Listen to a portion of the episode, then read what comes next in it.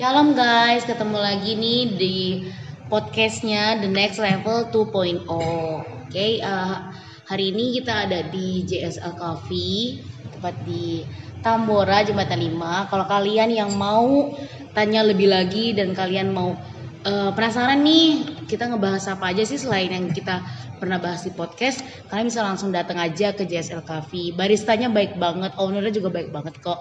Terus eh, hari ini kita akan ngebahas soal siapa aja sih eh, Yang yang, bisa. bisa. bernubuat. Oke, ini sebenarnya eh, pertanyaan, pertanyaan banyak orang betul. sih tapi ya karena nggak pembahasan yang ngebahas, cukup yang menarik, yang cukup menarik menarik. dan akan dianggap sesat kita Enggak, enggak Iya. dong ya. Oke, langsung aja biar nggak berlama-lama, biar kalian juga nggak penasaran. Oke. Oke, back again. Ya, di sini kopinya enak loh ya sebelum kita mulai. Betul. kalau gratis lebih enak sih biasanya begitu kalau itu gitu ya.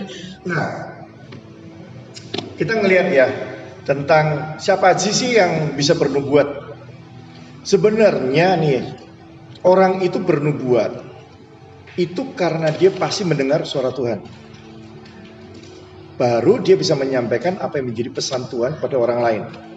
Oke, itu dasarnya dulu nih, dasar supaya kita mesti ngerti. Balik lagi yang awal-awal harus dengerin dulu nih makanya podcast yang sebelumnya. Berarti berarti kalau bukan suara Tuhan itu artinya suara siapa Iya. kita Sering kali adalah kita selalu diajar tentang tiga suara. Satu suara Tuhan, satu suara setan, ketiga adalah suara hati. Betul ya? Nah, suara Tuhan ntar kita bahas belakangan karena itu berhubungan dengan nubuatan. Kita ngomong dulu suara hati dulu. kita mesti tahu suara hati kita sendiri. Siapa sih yang nggak tahu hati kita sendiri? Pasti mau cari cuan, cari keuntungan, pasti cari manfaat. Itu suara hati kita. kenapa ya sensitif pokoknya paling pertama cuan ya ya. Pasti menguntungkan. Yang menguntungkan buat diri kita itu pasti suara hati. Pak, ya. Ketika kita bernubuat nih, kita pasti lihat lagi. Saya cakep nih. Wah, boleh nih jadiin pacar, gitu kan? Atau wah ini orang kaya nih. Ntar lagi gue pulang, gue mesti nubuat yang bagus-bagus. Biar gue pulang ditraktir. Nah itu yang sering kali terjadi dalam nubuatan. Dan itu sering kali dipakai oleh orang-orang yang tidak bertanggung jawab dalam menggunakan karunia. Betul. bayar ngeselin juga ya Nah itu yang jadi masalah. Sehingga orang-orang itu dibodohi. Ngerti gak sih? Dan dimanfaatkan untuk kepentingan orang tersebut. nah ini jadi masalah. Dan itu banyak sekali terjadi. Sehingga akhirnya orang itu kapok. nggak mau ketemu lagi. Gitu kan? Kenapa? Wah setiap kali kalau gue mau didoain, gue mau dinubuatin, gue mesti keluar duit. Iya kan? Mending kalau maunya ya cuma kalau sekelas McDonald, KFC mungkin nggak terlalu berat lah. Ya kan? Kalau sekelasnya Imperial Chef ya kan? Atau yang namanya Dynasty punya juga sih lama-lama ya. Tapi itu suara hati. Semua selalu yang menguntungkan buat pribadi kita. Sehingga nubuatan itu dipakai, dikendarai sama yang namanya suara hati.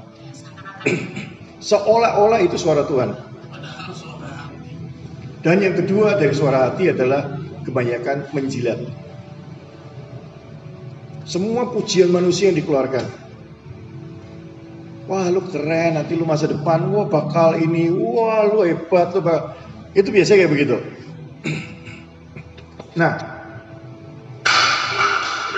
maaf ya, ada insiden ya. Nah, yang kedua yang saya mau bahas adalah suara setan. Tidak ada yang nah, setan itu kerjanya mencuri, membunuh dan membinasakan. Setan itu nggak ada yang baik.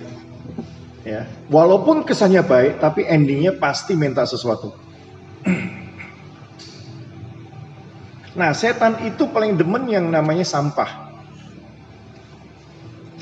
Yang dari episode sebelumnya tentang word of knowledge itu tentang kata-kata pengetahuan, gitu kan? Semua yang dilihat sampah. Ya kan? Yang diomongin sampah. Itulah memang habitatnya setan. Iya, betul.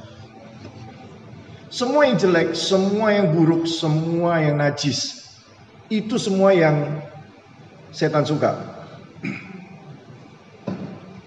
Jadi ketika kita ngomong gitu kan, kembali lagi untuk kemuliaan nama setan. Hidup setan. Gitu kan? Misalnya, gitu kan. Wah, kamu kemarin habis berzina. Wah, kamu kemarin habis kumpul kebo. Wah, kamu kemarin habis mencuri. Wah, kamu habis yang namanya, ya kan? Uh, apa lagi ya? Dosa apa lagi sih? gue udah lama banget udah nggak pernah conscious consciousness gue tentang sin gue udah lupa sih. ya kan? Nah, itu semua dosa, semua yang diungkit. Gak ada satupun kebaikan dalam diri diri seseorang itu. Saya itu saya gimana ya? Karena bukan karena itu kan negatif itu. Itu hmm. bi, bisa dibilang bisa jadi atau enggak itu beneran apa enggak kan bisa jadi nih dia kan nggak perzina nih. Padahal mah belum tentu. Tapi apakah benar gitu? Nah, yang jadi masalah gini. Di gereja kita dulu itu kan kita diajari minta ampun. Hmm. Ya kan? Nah, even kita minta ampun pun setan nggak peduli dia tetap akan mungkin terus dosa kita yang masa lalu. Even kita udah minta ampun. Dianggapnya Tuhan itu belum mengampuni. Ngerti ya? Jadi kesannya kita terus berdosa terus. Dikejar rasa bersalah, dikejar rasa apa ya namanya ya? Ketakutan. Karena bukan Tuhan dong yang bisa ngecun nih, setan juga ngecun. Setan itu nggak pernah tahu masa depan kita. Iya, dia tahu masa lalu. Dia tahunya masa lalu. Tapi dia nggak bisa nggak create masa depan kita. Bisa kalau kita serahkan masa depan kita ke dalam tangan setan. nah, tinggal mau pilih yang mana. Semuanya, ya kan. Kalau seandainya nih kita cuma mau lihat dosa masa lalu, nggak usah ketemu orang yang bisa bernubuat, nggak usah ketemu pendeta, ketemu tukang ramal pun mereka bisa lihat masa lalu kita, dosa kita, masa lalu dia bisa lihat. Orang pinter pun dia tahu. Kenapa? Karena memang gaulnya mereka adalah setan juga. Itu suara setan. Setan tuh isinya ya udah itu, ya nggak ada yang beres pokoknya. Itu suara setan. nah, yang ketiga yang kita mau bahas hari ini tentang suara Tuhan. Ya kan? Episode sebelumnya kita pernah bahas ya kan, suara Tuhan adalah tentang the goodness of God. Betapa baiknya Tuhan itu. Dan tidak ada yang namanya rancangan yang jahat di dalam kehidupan Tuhan ataupun dalam hatinya Tuhan. Ya kan? Lu udah mau ngomong soal itu juga kan? nah, so kita gampang nggak bedain mana suara Tuhan, mana suara setan, mana suara hati. Gampang. Ya kan? Yang jadi masalah adalah kita harus punya kesadaran bahwa yang ada di dalam diri kita adalah Tuhan Yesus. Kalau dalam diri kita ada Tuhan Yesus, harusnya yang kita ngomong tentang Tuhan dan kebaikan Tuhan. Ya. Nah, di dalam firman Tuhan Yeremia 29 ayat berapa ya? 29 juga kalau nggak salah. Itu bahwa rencana Tuhan, rancangan Tuhan akan hidup kita adalah masa depan yang penuh dengan harapan. Bukan rancangan kecelakaan. Nah kalau seandainya nubuatan isinya rancangan kecelakaan, artinya itu bukan dari Tuhan.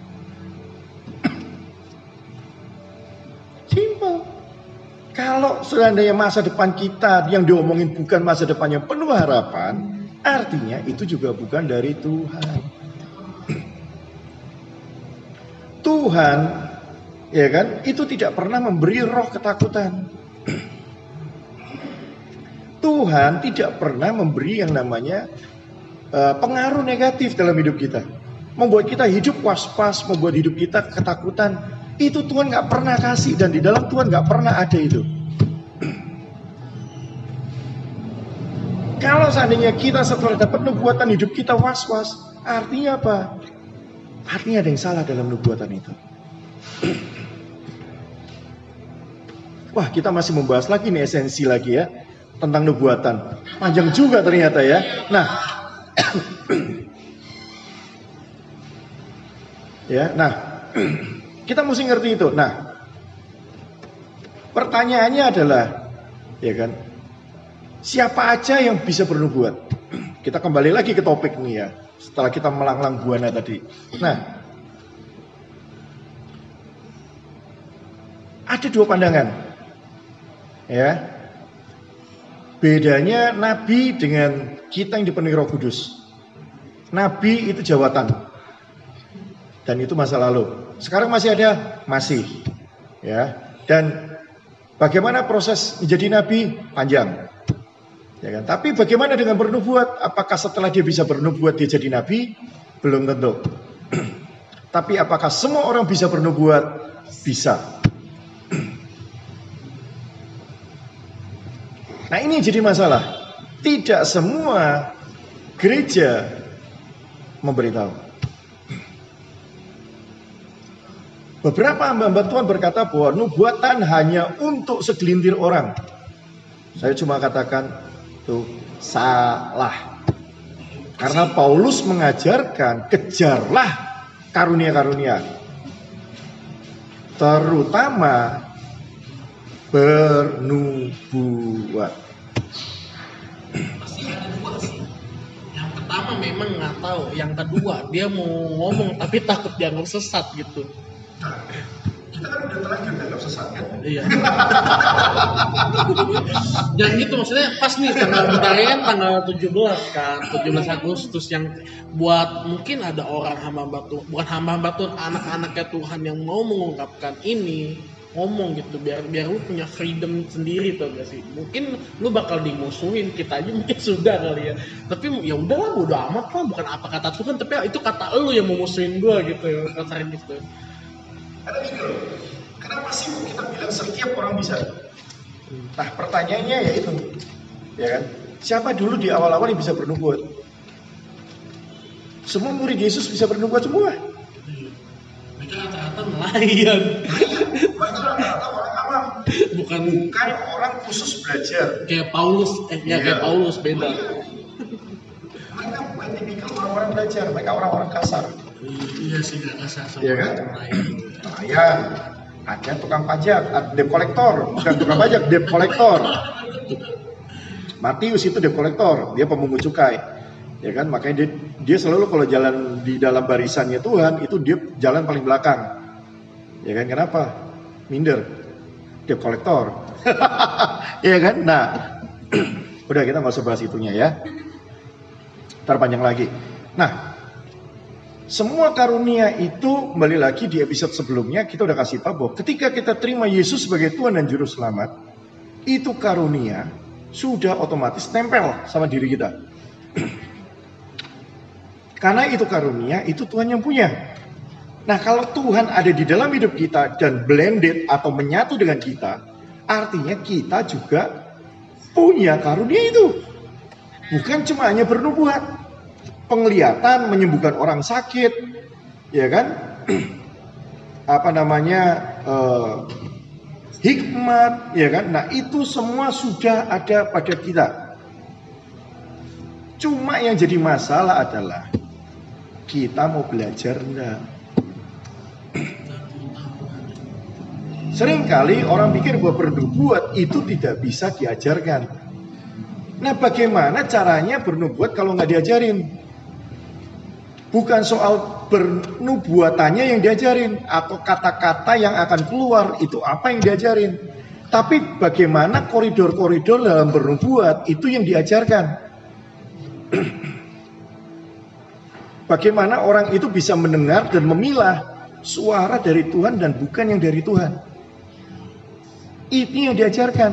Bagaimana cara kita mendengar suara Tuhan. Nah ini yang jadi masalah. Sering kali orang berpikir, ya kan, tidak semua orang bisa bernubuat. Kalau tidak semua orang bisa bernubuat, artinya tidak semua orang bisa mendengar suara Tuhan. Padahal Tuhan ada di mana? Dalam hati kita, di dalam hidup kita, di dalam pikiran kita. Nah kalau kita nggak bisa dengar suara Tuhan, Tuhan ada di mana? Satu, berarti Tuhan nggak pernah ngomong. Kedua, ya kan? Berarti Tuhan lu bisu. Atau telinga kita yang tuli. Karena apa? Nggak pernah dengar suara Tuhan. Kalau seandainya Tuhan nggak pernah ngomong sama kita, nah terus kita ngomongnya sama siapa? Kasihan amat dong orang Kristen. Karena dasar dari menubuat adalah mendengar suara Tuhan. Tentang siapa? Tentang orang lain. Betul dong. Nah kalau seandainya kita tidak mendengar suara Tuhan, gimana kita bisa ngomong orang lain tentang Tuhan? Dan bagaimana kita bisa ngomong ke orang lain tentang hatinya Tuhan dalam untuk hidup dia? Bagaimana kita bisa menyampaikan apa yang menjadi pesan Tuhan dalam hidup dia? Apa yang menjadi grand design Tuhan dalam hidup dia? Kita nggak bisa ngomong. Kenapa? Lah karena kita nggak pernah dengar. Hanya khusus para nabi yang bisa dengar. Ya repot. yang jadi masalah nabi berapa banyak di dunia?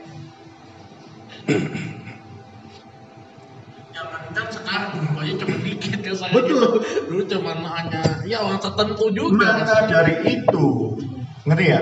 Buat apa Yesus mati? Lu bisa bayangin dulu Nabi itu cuma khusus buat bangsa Israel. Tentang kelahiran Yesus. Itu aja Israel meleset. Gak semua Israel terima. Tentang nubuatan itu. Tentang kelahiran Mesias. Itu Nabi itu yang ngomong tuh. Masa Tuhan sekarang mau mengulangi kesalahan yang sama?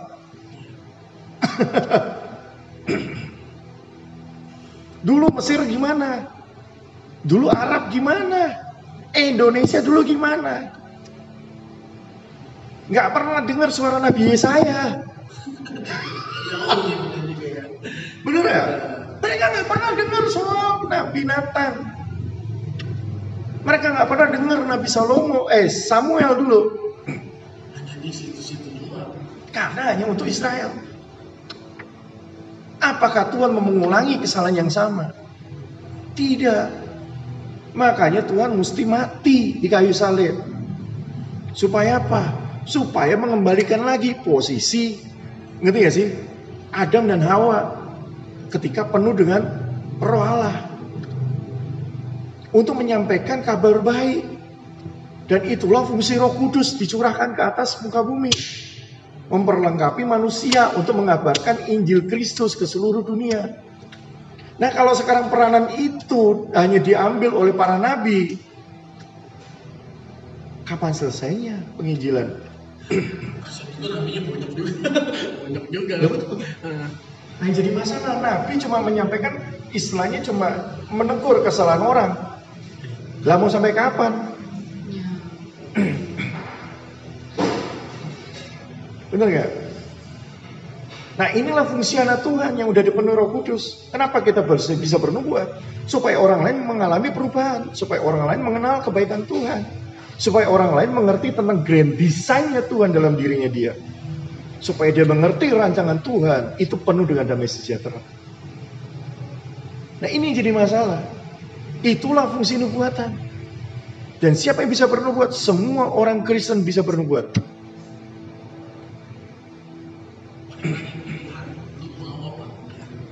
Kalau kita percaya, kita ajari. Bukan diajarin cara bernubuatnya, cara mendengar suara Tuhan dan cara menyampaikan pesan Tuhan yang namanya nubuat kepada orang lain. soal identitas kita Ya, balik lagi ke identitas kita sebagai Tuhan sama itu menyampaikan ini udah paling dasar sebenarnya balik balik kesederhanaan firman Tuhan ya itu di saya balik ke dasar ya nggak ada Tuhan itu maunya semua orang mengerti bahwa Tuhan itu baik. Betul. Lewat siapa? Ya lewat nubuatan itu. Lewat perkataan dari kita kepada orang lain untuk menyatakan bahwa betapa baiknya Tuhan itu. Kalau nggak lewat kita, lewat siapa? Kalau kita ngomongin sampahnya orang, kita cuma ngomongin kesalahannya orang, gimana orang bisa tahu betapa baiknya Tuhan? Orang cuma akan tahu betapa gilanya Tuhan kita. Ya kan? Orang selalu berkata bahwa kalau dia nggak dikasih tahu kesalahan dia, gimana dia bisa bertobat? Yang jadi masalah, emang dia nggak tahu kesalahannya dia. Gimana lucu gitu. Justru dia lebih tahu ya. lebih tahu dari kita kan soalnya Kita cuma dengar sesuatu yang dari alam roh, kita sampaikan kejahatan dia. Yang jadi masalah adalah dia akan cuma ketawa. Ya nggak? Yang kita sampaikan nggak separah apa yang dia tahu dalam dirinya. Betul ya? Ya kan? Itu yang jadi masalah. Tanpa lu kasih tahu, gue juga udah tahu dosa gue apa di masa lalu. Iya tau? Gue busuk kayak apa di masa lalu, gue lebih tahu dari apa yang lu tahu. Tetapi pada dasarnya manusia itu pengen tahu masa depan gue kayak gimana. Bukan kebusukan masa lalu gue seperti apa. Ya itu tadi, ya kalau kita nyanyi, ya sejauh timur dari barat, engkau telah membuang dosaku. Tak, tak kau ingat lagi semua pelanggaranku. Artinya apa? Satu menit yang lalu pun pelanggaran kita nggak diingat lagi sama Tuhan. Ya, kalau seandainya masih ada juga pendeta yang mengingatkan dosa kita satu menit yang lalu, perlu kita pertanyakan.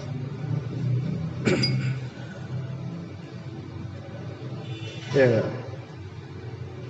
Ini yang kadang-kadang ya sorry to say gitu ya, sorry to say mungkin saya rada-rada sedikit ekstrim gitu ya. Tapi orang seperti ini kalau halus-halus kagak bisa tuh gitu betul. Sekarang gini loh, kalau gue nyatain mas kesalahan masa lalu orang, kesalahan masa lalu orang, ya orang itu nggak, orang itu mungkin nangis-nangis di depan kita sekarang. Bukan karena dia bertobat. Dia nangis itu karena apa? Karena dosa gue lo omongin di depan orang.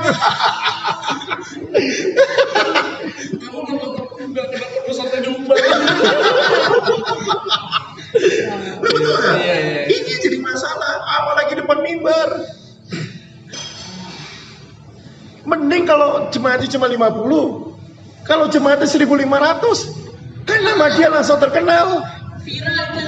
wah ini yang ini kan 1500 orang mengenal dosa kamu tahu dosa kamu siapa wah ini nyolong nih hati-hati gue gak boleh deket-deket dia nih Itu jadi masalah. Itu cuma bukan soal apa ya dosa masa lalu aja. Kesalahan masa lalu kita aja kadang-kadang diumbar juga di mimbar. Itu masalah. Itu bukan membuat kita dekat sama Tuhan, bukan kita mempelajari kesalahan kita. Tapi akan membuat kita pergi dari gereja itu. Dan membuat orang akhirnya jadi anti Yesus. Kita ngomong Yesus itu kasih. Yesus itu maha pengampun. Tapi yang jadi masalah, yang kita omongin lawan dari apa yang ya berlawanan dengan sifat-sifat Tuhan yang sebenarnya.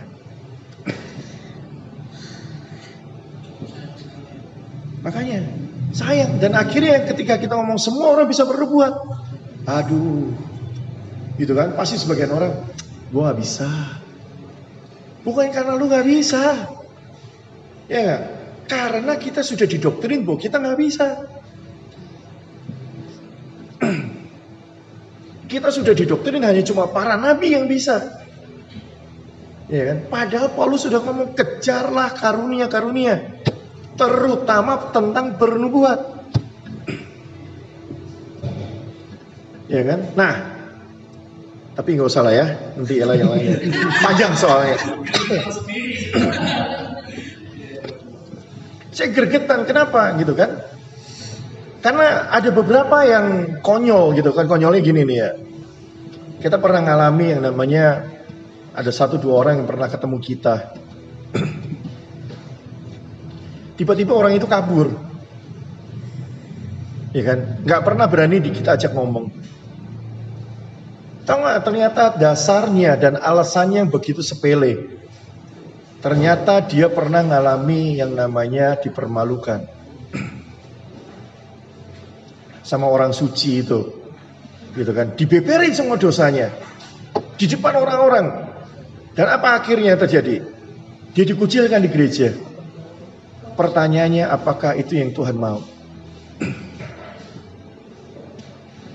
ya kan? Apakah itu sifat Tuhan? Itu bukan gayanya Tuhan yang membeberkan dosa masa lalu. Kita bisa bayangin Niniwe yang dosanya begitu parahnya. Tuhan aja kirim Yunus untuk namanya apa? Untuk bikin Niniwe bertobat. Ya kan? Ketika Daud mengalami kesalahan, ya kan? Yang ditegur bukan soal Daud sama Bathsheba. Yang ditegur Nathan itu tentang Daud menghitung orang Israel.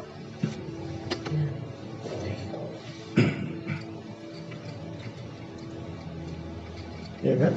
Itu kita lihat, ya kan? Kita perhatiin, gitu loh. Taunya karena Bathsheba ya. Iya. Iya kan? Kita lihat gitu loh. Ya kan? Nah, ini jadi masalah. Sehingga apa? Yang terjadi adalah orang takut. Mereka takut, ya kan? Mereka takut dan mereka berpikir nggak bisa. So, ya, kalau ada teman-teman yang mau belajar bagaimana mendengar suara Tuhan, bagaimana bernubuat, ya, kita bisa ajar kok. Nggak usah takut, kita juga nggak pernah bongkar dosa orang, ya. Kita nggak pernah bongkar busuknya orang. Nanti kalau anda mau, ya kita anda dengar lagi episode tentang apa namanya, menggali emasnya orang. Detail lagi entar kita bahas di Iya. Ya. Supaya kita nggak ngeri, ya kan? Supaya kita ternyata, oh ternyata bernubuat itu kayak begini. Oh ternyata semua orang bisa. Penglihatan juga semua orang bisa, ya kan? Mendengar suara Tuhan semua orang juga bisa.